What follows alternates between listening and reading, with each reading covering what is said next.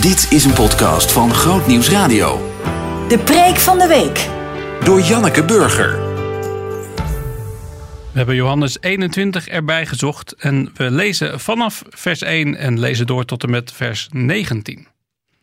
Ja, dat is natuurlijk een verhaal wat uh, na de opstanding is gebeurd en over Jezus en Petrus gaat.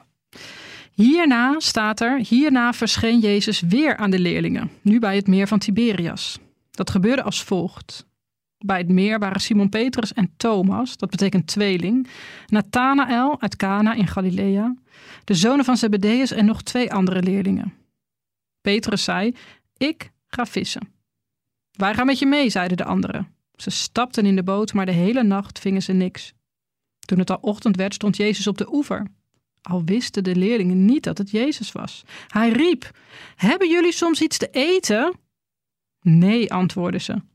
Gooi het net aan stuurboord, riep Jezus. Dan lukt het wel. Ze wierpen het net uit en er zat zoveel vis in dat ze het niet omhoog konden trekken. De leerling van wie Jezus hield, zei tegen Petrus: Het is de Heer. Zodra Simon Petrus dat hoorde, schortte hij zijn bovenkleed op. Meer had hij niet aan en sprong in het water. De andere leerlingen kwamen met de boot en sleepten het net vol vis achter zich aan. Ze waren niet ver van de oever, ongeveer 200 el. Toen ze aan land kwamen, zagen ze een vuurtje met vis erop en brood. Jezus zei: Breng ook nog wat van de vis die jullie net gevangen hebben. Simon Petrus ging weer aan boord en trok het net aan land. Het zat vol grote vissen, wel geteld 153, en toch scheurde het niet. Jezus zei tegen hen: Kom, eet iets. Geen van de leerlingen durfde hem te vragen wie hij was. Ze begrepen dat het de Heer was. Jezus nam het brood en gaf hun ervan, en hij gaf hen ook vis. Dit was al de derde keer dat Jezus aan de leerlingen verscheen nadat hij uit de dood was opgestaan. Toen ze gegeten hadden, sprak Jezus Simon Petrus aan. Simon, zoon van Johannes, heb je mij lief, meer dan de anderen hier? Petrus antwoordde, ja heer, u weet dat ik van u houd. Hij zei, wijd mijn lammeren. En nog eens vroeg hij, Simon, zoon van Johannes, heb je me lief? Hij antwoordde, ja heer, u weet dat ik van u houd. Jezus zei, hoed mijn schapen. En voor de derde maal vroeg hij hem: Simon, zoon van Johannes, hou je van me? Petrus werd verdrietig omdat hij voor de derde keer vroeg of hij van hem hield. Hij zei: Heer, u weet alles, u weet toch dat ik van u houd? Jezus zei: Wijd mijn schapen. Waarachtig, ik verzeker je, toen je jong was, deed je zelf je gordel om en ging je waarheen je wilde. Maar wanneer je oud wordt, zal een ander je handen grijpen, je gordel omdoen en je brengen waar je niet naartoe wilt. Met deze woorden duidde hij aan hoe Petrus zou sterven tot eer van God. Daarna zei hij: Volg mij. En ik begin direct met een vraag: Waar ruikt schaamte naar? Dat is wel een beetje een, eh, een stevige vraag om mee te beginnen, misschien. Maar ik denk dat ik het voor Petrus wel weet. Voor Petrus ruikt schaamte naar antraciet. Naar kolen. Je moet maar denken. Ik denk niet dat iedereen van ons kolen in zijn geschiedenis heeft zitten. Dus je moet maar denken de geur van een lekkere barbecue. Voor Petrus ruikt schaamte naar dat kolenvuurtje, dat vuurtje waar hij nu bij zit. Er liggen nog wat vissen op en het laatste broodje is net opgegeten. Een paar van zijn vrienden zitten bij het vuurtje en Jezus natuurlijk. Hij kijkt naar Jezus, die hem net die vraag heeft gesteld, die vreselijk moeilijke vraag. Hou je van me? En hij ruikt het, het kolenvuurtje, de geur van schaamte. Er is één andere keer dat dat woord voorkomt in het Bijbelboek Johannes, het woord voor kolenvuurtje. En dat is op de binnenplaats waar Jezus wordt verhoord. Petrus is daar ook. Hij warmt zijn handen aan een kolenvuurtje. En die geur haalt natuurlijk direct die herinnering naar boven. Toen daar op die binnenplaats, daar rook het net zo. En hij voelt de schaamte. Want wat hij daar gedaan heeft. Nou ja, wat hij niet gedaan heeft natuurlijk. Drie keer kreeg hij de kans om te laten merken dat hij bij Jezus hoorde. En drie keer loog hij erover. Drie keer liet hij Jezus in de steek. En toen was daar die haan. En hij weet nog hoe hij gehuild heeft daar. Bitter gehuild.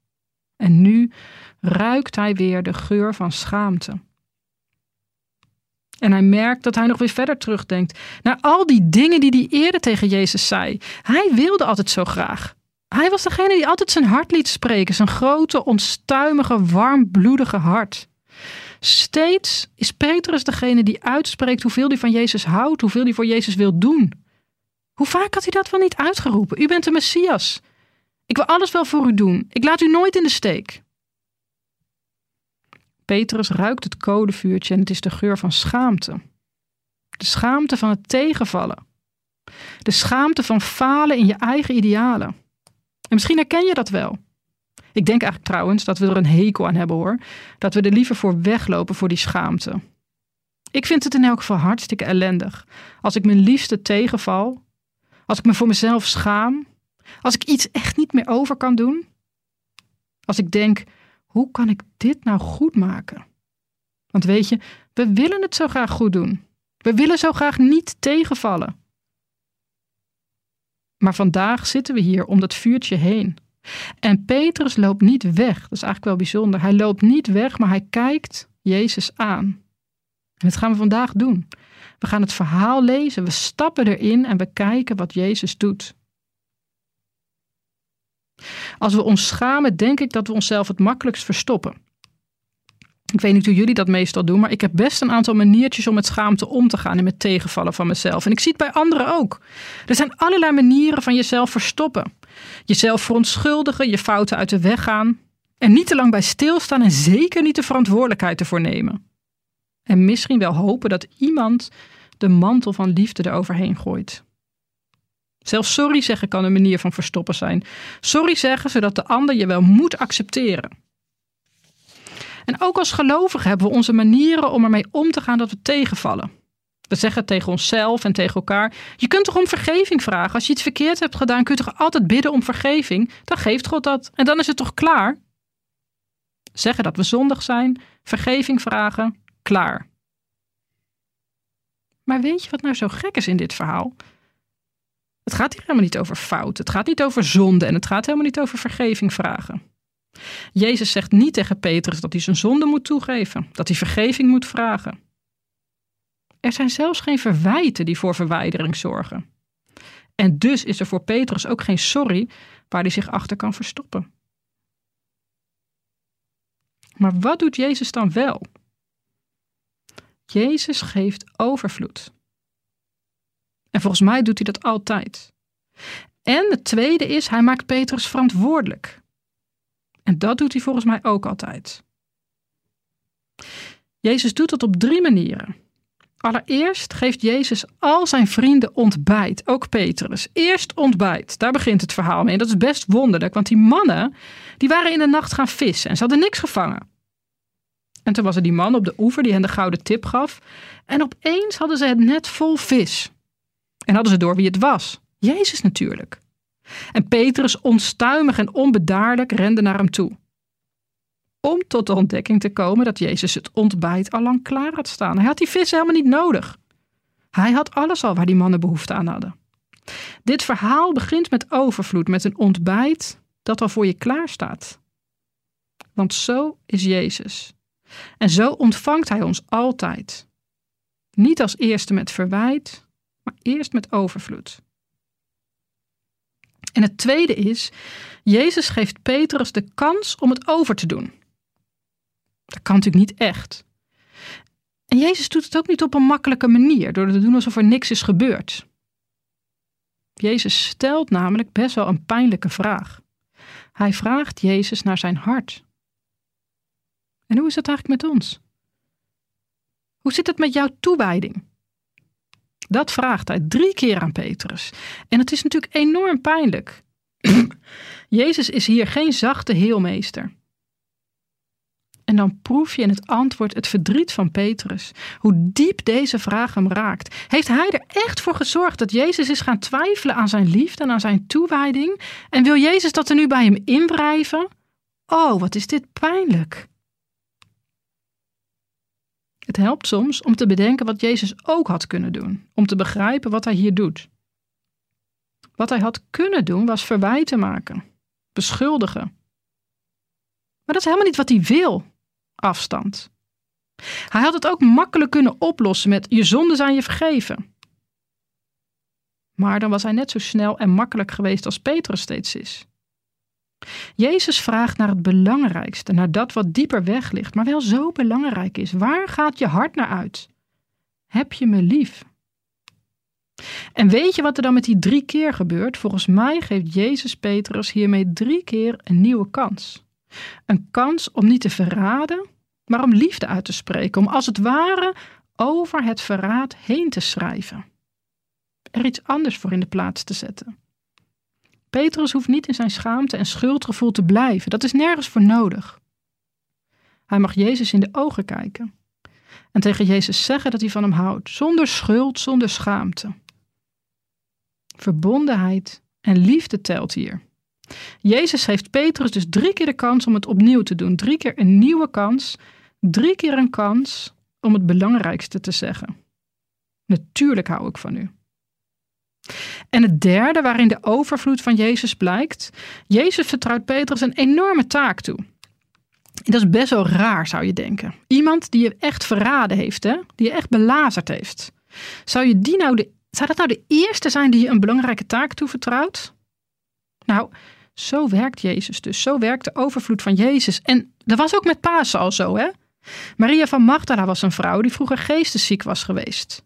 Dat is nou niet direct iemand die je het meest onverwachte, verrassende nieuws ooit zou toevertrouwen. En dat is toch wat Jezus doet. Hij vraagt haar om iedereen te vertellen dat hij leeft. En nu doet Jezus het weer. Zijn meest impulsieve en onstuimige leerling, die hem zo heeft belazerd, die vraagt hij om leider te worden. Leider van alle mensen die bij Jezus zullen horen. Jezus vraagt het liefst mensen die je nooit zou bedenken. Dat is hoe hij vertrouwen geeft. En blijkbaar is dan de belangrijkste vraag als het gaat om die groep mensen die bij Jezus hoort: hou je van me? Doe je alles vanuit liefde? Of doe je het vanuit schaamte of vanuit plicht of vanuit traditie? Nee, het belangrijkste is de liefde. Jezus geeft Petrus een nieuwe kans. De man die zo gefaald heeft, krijgt een nieuwe kans. Vandaag ruiken wij ook dit codevuurtje. Ik hoop dat het voor jou nooit een geur van schaamte is. Maar straks als je weer fikkies gaat stoken of als je in de lente lekker gaat barbecuen, dan hoop ik dat je bij, het bij de geur van de barbecue denkt aan de overvloed van Jezus. Wat hij bij dit codevuurtje doet, is wat hij blijkbaar het belangrijkste vindt. Hij stelt ons de meest belangrijke vraag: hou je van me? En de een zegt dan: Natuurlijk hou ik van Jezus. Ik zeg dat graag tegen hem. Iemand anders, misschien jij wel, vindt het een vraag om een beetje zenuwachtig van te worden. Jezus kun je niet eens zien. Hoe kun je dan van hem houden? Toch denk ik dat het een belangrijke vraag is. Jezus wil meer zijn dan onze zondevergever. Meer dan de Jezus die op Goede Vrijdag aan het kruis hing en iets oplost. Jezus zoekt een relatie met ons. Een relatie van vertrouwen en van liefde. Van elkaar leren kennen. Van samen het leven doorgaan. En ik hoop dat je dat nu denkt. Ja, die Jezus, die wil ik wel beter leren kennen. En naast die vraag krijgt Petrus dus ook die taak van Jezus. Hè? En daarmee dat vertrouwen. En wij natuurlijk ook. Jezus is meer dan degene die aan het kruis sterft om onze zonde te vergeven. Hij is ook degene die met Pasen weer is opgestaan. En hij geeft ons ook steeds het lef om op te staan. Zoals bij Petrus. Petrus, sta op. Kijk me recht in de ogen en kijk diep in je eigen hart. Boor de liefde aan die in je hart is. Vanuit die liefde vertrouw ik het je toe, om voor al die mensen te zorgen. En natuurlijk, wij zijn mensen die blijven tegenvallen. Ook in de kerk vallen mensen tegen. Ik val mezelf steeds weer tegen en jij herkent dat vast ook. Maar Jezus geeft ons steeds weer die kans en hij stelt ons steeds weer die vraag. Doe je dit vanuit liefde? Hou je van me? Dan ga ik jou aan het werk zetten. Omdat je dan zo goed weet wat die liefde kan doen. Liefde die de wereld kan veranderen, die andere mensen ook kan doen opstaan. De belangrijkste vraag voor christenen is niet of je het wel goed hebt gedaan, maar of je liefde kent. Of je liefde wilt ontvangen of je liefde wilt delen. Ik hoop met heel mijn hart dat we een kerk zijn vol met eerlijke mensen. Mensen die elkaar en Jezus recht in de ogen durven kijken. Die niet blijven hangen in schaamte, in sorry zeggen, in ontkennen, in verstoppen. Maar omdat we weten dat Jezus ons het allerbeste kent en omdat we weten dat we door Hem gekend zijn, daarom willen we natuurlijk vanuit die liefde leven.